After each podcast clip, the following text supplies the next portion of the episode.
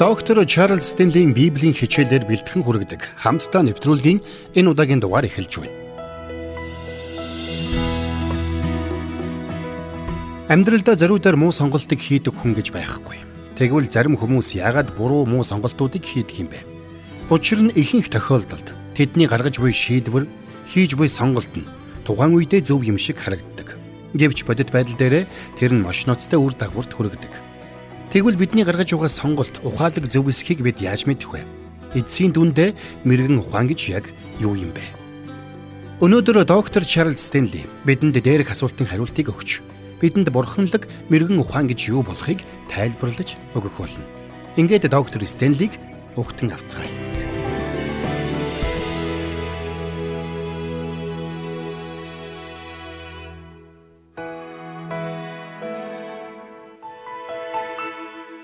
Энэ амьдралд бид ерөнхийдөө хоёр замын нэгээр нь алхдаг гэж хэлэхэд болно.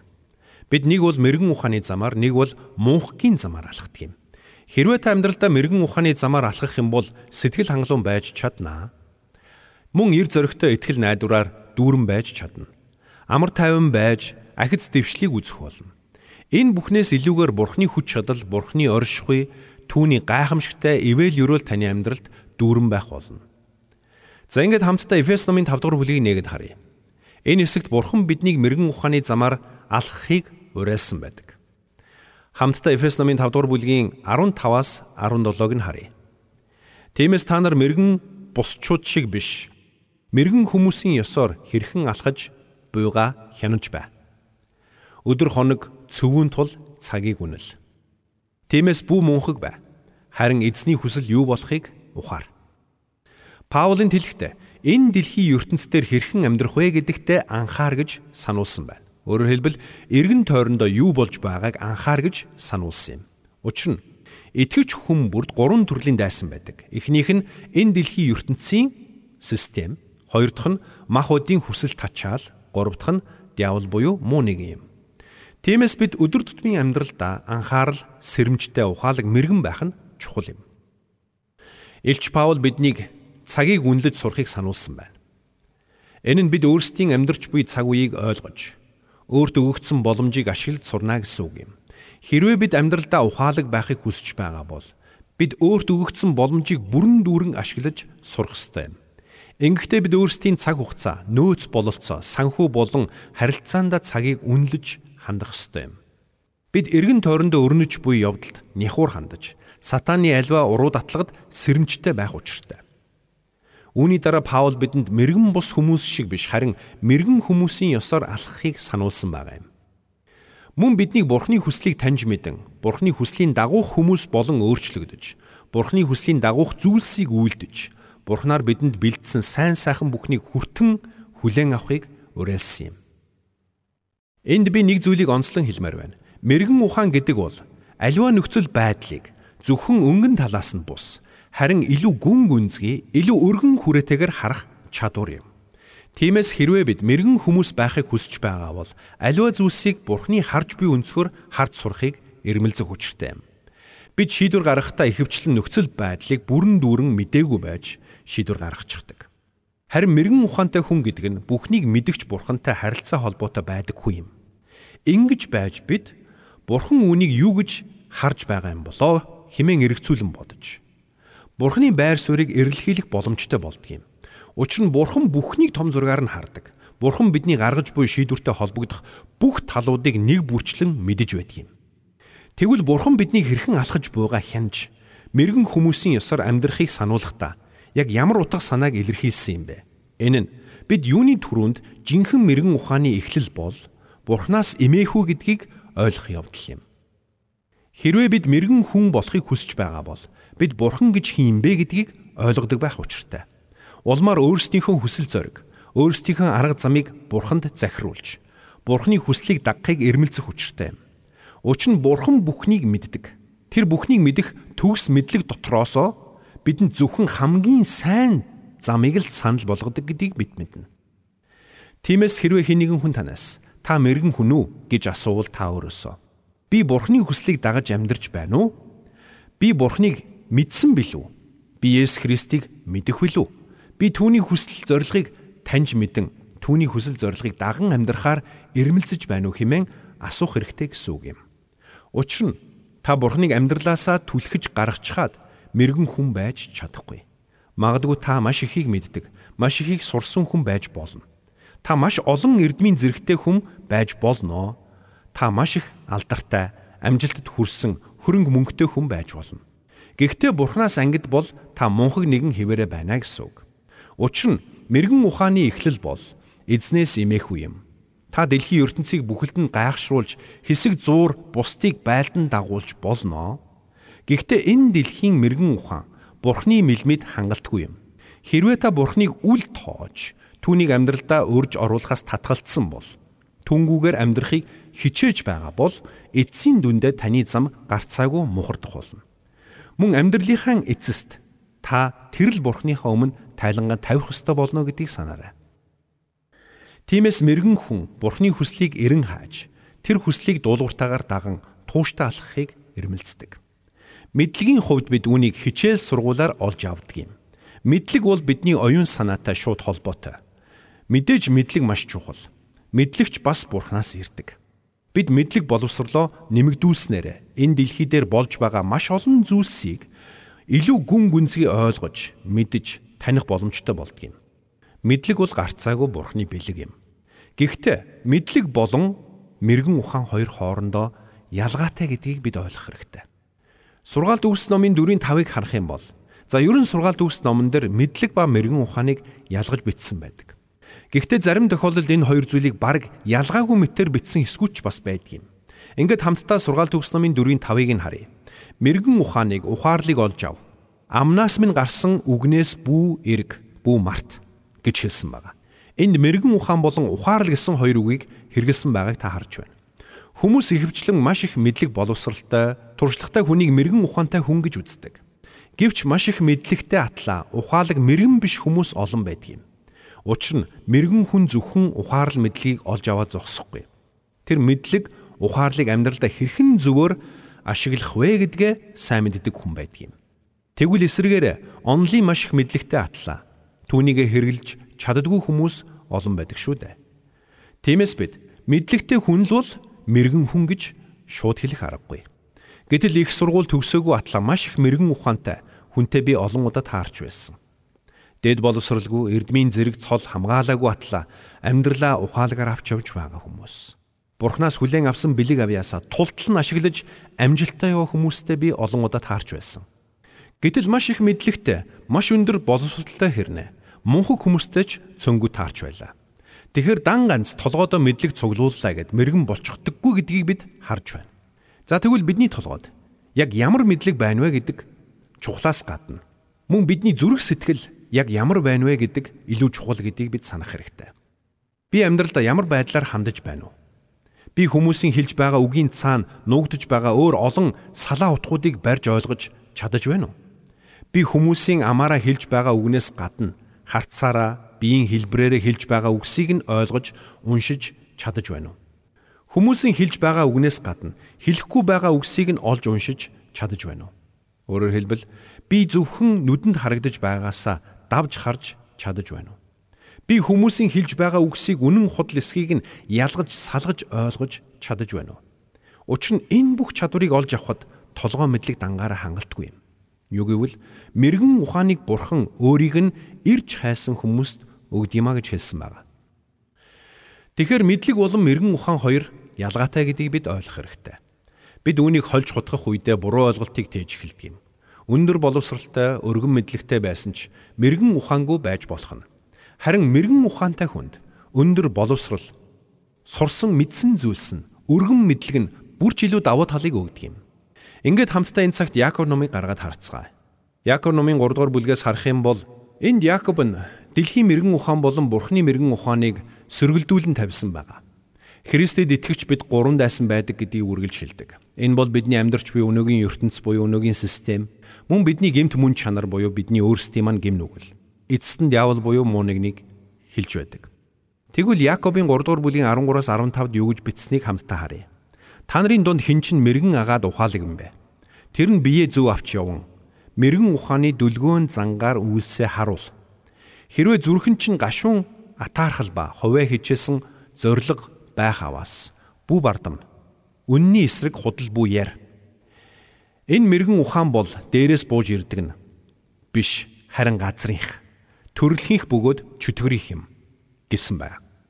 Яаков хэлэхдээ зүрхэн чинь гашуун атаархал ба хувиа хичээсэн зориг байх аваас бүү бардан байгаарай.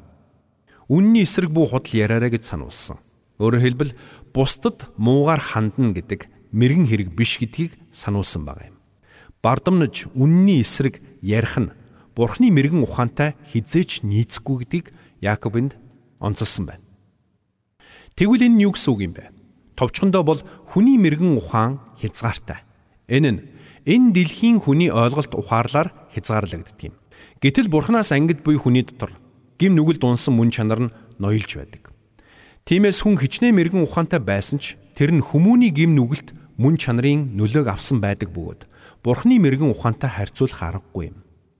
Үндэ бидний төрлөх чанар ямагт өөрийн сэтгэлд таатай санагдсан, өөрт ашигтай, өөрт хэрэгтэй санагдсан бүхэн рүү биднийг чиглүүлж байдаг юм. Чи ганц л амьдрах учраас яагаад болохгүй гэж. Ганц олдох амьдралдаа хүссэндээ хүрэхийн тулд шаардлагатай бүхнийг хийх ёстой биш үү? Нэг л амьдрч нэг л өвхөн. Тэгэд бүх зүйл дуусан шүү дээ хэмээн ятгадаг юм. Гэвч үнэндээ амьдралыг ийм байдлаар харах нь өөрөө мунхаг хэрэг юм. Тиймээс ч Библи энэ дэлхийн мэрэгэн ухааныг хязгаарлагдмал гэж тодорхойлсон. Хүмүүний гим нүгэлт мөн чанараас хизээч Бурхны мэрэгэн ухаан гарах боломжгүй юм. Учир нь хүмүүний мэрэгэн ухаан өөрөө хүний мөн чанараар хязгаарлагддаг. Цаашлбал энэ дэлхийн мэрэгэн ухааныг Яаков төрөлхийнх гэж хэлээд зогсохгүй мөн чөтгөрийнх гэж хэлсэн байна. Эдийн цэцэрлэгт сатан яваг мэхэлснийг та санаж байна уу? Сатан яваад чи бурхан шиг болохыг хүсэхгүй байна уу? Бурхан шиг мэдлэгтэй, мэрэгэн ухаантай болохыг хүсэхгүй байна гэж юу химэн уруу татсан байдаг. Чи энэ жимснээс хазчихад л тэгэл болно. Чи ерөөсөө өгөхгүй. Харин юу гэж чи сайн мууг ялгах мэдлэгтэй болж бурхан шиг болох болно гэж хуурсан. Яава энэ тохиолдолд мэрэгэн сонголт хийсэн бэлүү? Үгүй ээ. Тэр бурханд биш худал хуурмагт итгэх сонголтыг хийсэн юм. Улмаар Явагийн хийсэн сонголтын үр дүн бидний хүнийг бүрийн дээр буусан. Бид тэрхүү гим нүгэлт мөн чанарыг тэн амьдрах ёстой болсон юм. Бурхан бидэнд шин сүнсийг өгч бидэнд шин амьдралыг олгохоос нааш бид энэ гим нүглийг ялан дийлэх ямар ч боломжгүй байдаг юм. Тэгэхэр Бурханаас ангид энэ дэлхийн мэрэгэн ухаан нь хизээд хязгаарлагдмал байдаг бөгөөд хүмүүний гим нүгэлт мөн чанарт нэвт автсан байдаг гэдгийг бид ойлгох хэрэгтэй байх нь. Харин хүмүүний нүгэлт мөн чанар нь Бурханы эсрэг тэрсэлж байдаг. Хэрвээ бид энэ бүхнийг уг үндсээр нь аваад үзэх юм бол бидний энэ гемт нүгэлт мөн чанар нь эдийн цэцэрлэгдэх чөтгөрийн хуурам мэхлэлтээс үүдэлтэй юм. Тийм ч учраас бид Бурхны мэрэгэн ухаанаас ангид энэ дэлхийн мэрэгэн ухаанаар амьдрах гэж оролдох нь бидний төрлөх мөн чанарт түшгэлсэн алхам болдгийм. Тэр утгаараа дэлхийн мэрэгэн ухаан нь Яаковын тодорхойлсончлон төрлөхийнх ба чөтгөрийнх юм. Ингэж хэлэгч арай хатуудаж байна гэж та бодож байна уу? Гэхдээ ингэж тодорхойлохоос өөр аргагүй юм. Учир нь жинхэнэ мэрэгэн ухаан нь эзнээс эмээхүүгээс ихтэй юм. Энэ урчлан ертөнцийг бүтээсэн агуу бүтээгч Бурханаас имэж түүний хүслийн дагуу алхах нь өөрөө жинхэнэ мэрэгэн ухаан юм. Эсвэргээрээ бид Бурханы хүслийг эсэргүүцэж өөрийнхөө алхахыг хичээж эхлэх нь Бурханы эсрэг тэрсэл болдго юм. Энэ нь би таны мэрэгэн ухааныг биш энэ дэлхийн мэрэгэн ухааныг илүүд үзэж байна гэж хэлж байгаатай адилхан юм. Харин Яаков энэ дэлхийн мэрэгэн ухааныг төрлөхийнх бөгөөд чөтгөрийнх гэж тодорхойлсон гэдгийг та бидхий мартаарай. Тэгвэл найз минь Бурхны мэрэгэн ухаанаас татгалзах үедээ бид ямар үр дагаварт хүрдэг юм бэ? Яг л гим нүглийн үр дагавартай адилхан үр дагаварт хүрдэг юм. Энэ тохиолдолд бид Бурханаас бидэнд хүссэн тэрхүү амар тайван, баяр хөөр, итгэл найдвар, урам зориг, эрч хүчийг хүлээн авч чадахгүй хүрдэг юм. Бурханаас бидэнд хүсдэг тэр ахиц дэвшил амжилт ялалтыг хүлээж авч чадахгүй хүрдэг юм. Үүний оронд бид урам зориггүй, эрч хүчгүй, сэтгэл дундуур байдлыг мэдэрдэг юм. Хэрвээ миний үгэнд итгэхгүй байгаа бол та эргэн тойрноо хараад үзээрэй. Өөрийнхөө зөрүүдлэн мэрэгэн бус алхмуудыг хийж байгаа хүмүүсийн амьдралыг хардаа. Тэд амьдралдаа сэтгэл хангалуун байж чаддаггүй. Тэд жинхэнэ баяр хөөр, жинхэнэ амар тайвныг мэдэрч чаддаггүй. Тэд гаднаа бүх зүйл болж бүтэж байгаа мэт харагдаж байх боловч үнэн хэрэгтэй байгаа байдалдаа маш сэтгэл дундуур явдаг хүмүүс байдаг юм. Тэд бүгд ямар нэгэн зүйлийг ирж хааж тэр зүйлийнхээ хойноос үхэн хатан тэмүүлж байдаг юм. Учир нь энэ дэлхийн мэрэгэн ухааныг дагагчд нь сэтгэл зүрхээ дүүргэж сэтгэл хангалуун байдлыг олохын тулд ямар нэгэн зүйлийг тасралтгүй ирж хааж зогсоо зайгүй ажиллаж байдаг юм. Тиймээс ч өнөөдөр дэлхийн ертөнц улам бүр дороотсоор байна. Хүмүүний үр дүнгүй эц төгсгөлгүй эрэл хайгуулын үр дүнд байгаль дэлхийж улам бүр сүудэн дороотсоор байна. Гэтэл үнэн дээр бүтээгч бурхнаас өөр хинч бидний зүрх сэтгэлийг бүрэн дүүрэн ойлгож чадахгүй юм. Тэгэхээр бидний өмнө хоёр төрлийн мэрэгэн ухаан байдаг гэдгийг бид мэдэж авлаа. Эхнийх нь энэ дэлхийн мэрэгэн ухаан. Энэ бол төрлөхийнх бөгөөд чөтгөрөх юм. Харин нөгөөх нь бурхны мэрэгэн ухаан. Энэ бол бурхныг таньж мэдэх, бурхны хүсэл, тушаал, зарчмуудыг даган амьдарч нүдэнд харагдаж байгаасаа цаатахыг олж харан бидний амьдралд хандсан бурхны төлөвлөгөөнд нийцсэн шийдвэрүүдийг гаргах чадвар юм. Энэ нь бид амьдралдаа зөв сонголтуудыг хийх мэрэгэн ухаантай байна гэсэн үг. Хэдийгээр тухайн шийдвэр сонголт нь бусад хүмүүст таалагдахгүй байж болох ч хэрвээ бурхны хүсэлтэд нийцэж байгаа бол хамгийн мэрэгэн сонголт хамгийн мэрэгэн шийдвэр гэдэгт бид итгэлтэй байх учиртай. Эндээс нэг зүйлийг бодоод үзээрэй. Христэд итгэгчд бид бурхны мэрэгэн ухааныг хүлээн аваад түүний мэрэгэн ухаанаар амьдрах бүрэн боломжтой байхад энэ дэлхийн ертөнцөөр хэрхэн амьдрахаа заалган гэж юу? Өнөөдөр сүм чуулганууд улам бүр сулран дороотож байгаагийн нэг шалтгаан бол Христэд итгэгчд Бурхны үгийн дагуу бус харин энэ дэлхийн мэрэгэн ухааны дагуу амьдрах гэж оролдох болсонтой холбоотой гэж би боддог. Угтаа бол Христэд итгэж бидний иргэний харьяалал тэнгэрт буй. Библиэд хэлэхдээ биднийг мөнхийн улсын иргэд хэмээн тодорхойлсон байдаг. Христийн дотроос дахин төрөх гэдэг ойлголт бол хүний санаанаас бий болсон зүйл биш ээ. Энэ бол Бурханаас ихтэй зүйл. Матай номын 6 дугаар бүлгийн 19-с 20 хэлэхдээ газар дэлхий дээр өөрсөдөө эд баялаг бүүхураа. Тэнд хэвэн хорхоо ба зэв идэж сүтгэдэг юм. Хулгаач эвдэж ороод хулгаалдаг ажээ. Харин өөрсөдөө эд баялагийг тэнгэрт хураа. Учир нь тэнд хэвэн хорхоо ба зэв идэж сүтгэдэггүй. Хулгаач ч эвдэж ордоггүй, хулгаалдаггүй гэсэн байдаг. Тэгвэл бидний мөнхийн гэр хаана вэ? Мөнхийн улсад. Бидний итгэл найдвар хаана вэ? мөнхийн улсад. Тэгвэл Бурхны хүүхдүүд болж Тэнгэрийн улсын иргэд болсон бид энэ дэлхийн мэрэгэн ухааныг царайчилж амьдрна гэж юу? Энэ бол жинхэнэ мунхаг хэрэг. Учир нь энэ нь бидний мөн чанартай нийцэхгүй юм. Бидний амьдралд хандсан Бурхны зорилготой ч нийцэхгүй юм. Тиймээс та дараах асуултуудыг өөрөөсөө асуугаарай. Хизээ нэгэн цагт таныг сайн таньдаг хүн, таныг ухаалаг мэрэгэн хүн хэмээн тодорхойлж байсан уу? Хэрвээ тийм бол таны амьдралд буй ямар чанар таныг ухаалаг мэрэгэн гэж тодорхойлоход тэднийг хүргэсэн бэ? Юу таныг ухаалаг мэрэгэн болгож байгааг тэд итгэлтэйгээр тодорхойлон хэлж чадаж байна уу? Таны дотор Бурхны ариун сүнс байгаа учраас та мэрэгэн байгаа юм а гэдгийг тэд мэдэж байна уу? Эцэст нь би нэгэн чухал зүйлийг хэлмээр байна. Та өнөөдөр миний ярьсан бүх зүйлсийг мартсан ч одоо хэлэх зүйлийг битгий мартаарай гэж гуймаар байна. Та ухаалаг мэрэгэн амьдралаар амьдрахыг хүсэж байна уу? Хэрвээ хүсэж байгаа бол миний одоо хэлэх асуултыг тогтоож аваад өөрөөсөө ямагт асууж хэвшээрэй. Та аливаа шийдвэрийг гаргах бүрдээ өөрөөсөө энэ ухаалаг шийдвэр мөн үү гэж асууж хэвшээрэй. Энэ бол богинохон боловч маш чухал асуулт юм. Энэ ухаалаг шийдвэр мөн үү гэж асуу. Христэд итгэж бидний дотор ариун сүнс нутгалдаг. Тэр бидэнд энэ асуултад оновчтой хариулт өгөхөд үргэлж туслах болно. Үнэн дээр Христэд итгэгчид бид Бурхантай холбоотой хүмүүс. Бидний энэ холбоо хизээч тасаршгүй мөнхөд үргэлжлэх холбоо. Тиймээс бид аливаа шийдвэрийг гаргахдаа Бурхан эцэг минь энэ шийдвэр ухаалаг мэрэгэн ухаантай шийдвэр мөн үү гэж асууж хөвшөөрэй. Тэр цагт Бурханы ариун сүнс танд мэрэгэн өдөрдөмж ухаалаг зөвлөгөөгөө өгөх болно. Тэр таныг зөв шийдвэрлүү хөтлөн дагуулах болно. Тиймээс та нэг зүйлийг бодоод үзээрэй. Бид бүгд энэ хоёр замын аль нэгээр нь л алхдаг юм. Гэхдээ энэ хоёр замын аль нэг нь зөв а нөгөө нь буруу байгаа. Энэ бол дэлхийн мэрэгэн ухаан ба Бурхны мэрэгэн ухаан гэсэн хоёр зам юм. Бурхны мэрэгэн ухааны зам бол хамгийн шилдэг нь, хамгийн зөв нь, хамгийн ашиг тустай зам юм. Харин нөгөөх нь буруу зам. Сатаны зам, мөхөл сүрлийн зам. Тэр бол бурхангүй хүмүүсийн зам. Энэ замаар зарим нэг амжилтанд хүрэх боловч жинхэнэ мөнхийн амжилтанд хүрэх боломжгүй юм. Жинхэнэ мэрэгэн ухаан бол Бурхныг таньж мэдэн, түүнээс имэж, түүнийг дуулууртаа дагаж.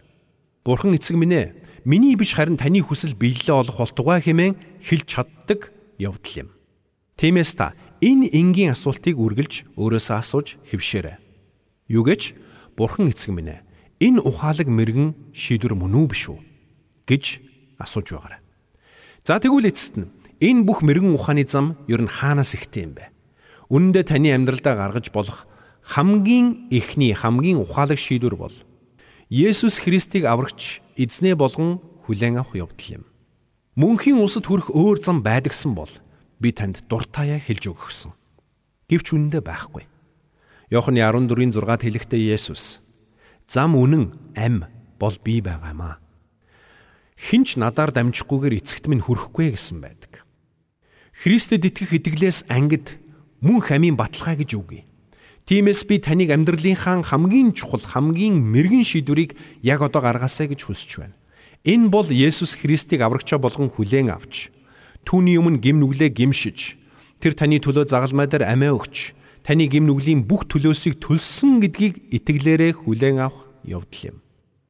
Энэ бүхнийг бурхан өөрөө зохион байгуулсан. Тэр өөрөө таны оронд зогсож таны өмнөөс шитгэлийг хүлээн авсан. Тиймээс та эзэн Есүс ээ би гим нүгэлтэн гэдгээ хүлээн зөвшөөрж гимшиж байна. Та миний гим нүглийг уучлаач. Би таныг аврагч эзнээ болгон хүлээн авч байна хэмээн залбираарай. Энэ чухал залбирлыг хийсэн тэрл мөчөд та амьдралынхаа хамгийн мэрэгэн шийдвэрийг гаргасан байх болно. Энэ шийдвэр чинь таны бурхан эцэгтэйгээ хамт ухаалаг мэрэгэн замаар алхах эхний чухал алхам шийдвэрчин байх болно. Жинхэнэ мэрэгэн ухааны их сурвалж нь бурхан юм гэдгийг доктор Стенли бидэнд сануулж байна. Тиймээс хэрвээ та хараахан Есүс Христийг аврагчаа болгон хүлээн авч амжаагүй бол энэ чухал шийдвэрийг өнөөдөр гаргаарай. Учир нь бурханд итгэж бурханыг таньж мэдэх нь мэрэгэн ухааны эхлэл юм. Яаков 1-ийн 5-аас 8-д хэлэхдээ харин та нарын хэн нэг нь мэрэгэн ухаанаар дутвал бүх хүнд өгөөмөрөөр буруу шаалгүй өгч бурханаас гуйг. Тэгээд түнд өгөгдөх болно Харин тэр ямар ч эргэлзээгүйгээр итгэлээрээ гуйг. Учир нь эргэлзэгч нэгэн бол салхиар туугдан давлгаалах тэнгисийн долгио мэт ажээ. Тийм хүн эзнээс юм авна гэж бүү санаг. Хоёр санаат нь бүх үйлдээ тогтворгүй байдаг юм гэсэн байдаг. Тиймээс мэрэгэн ухааныг бурхнаас гуйж, бурхны үгийн дагуу мэрэгэн хүмүүсийн ёсоор амьдарцгаая.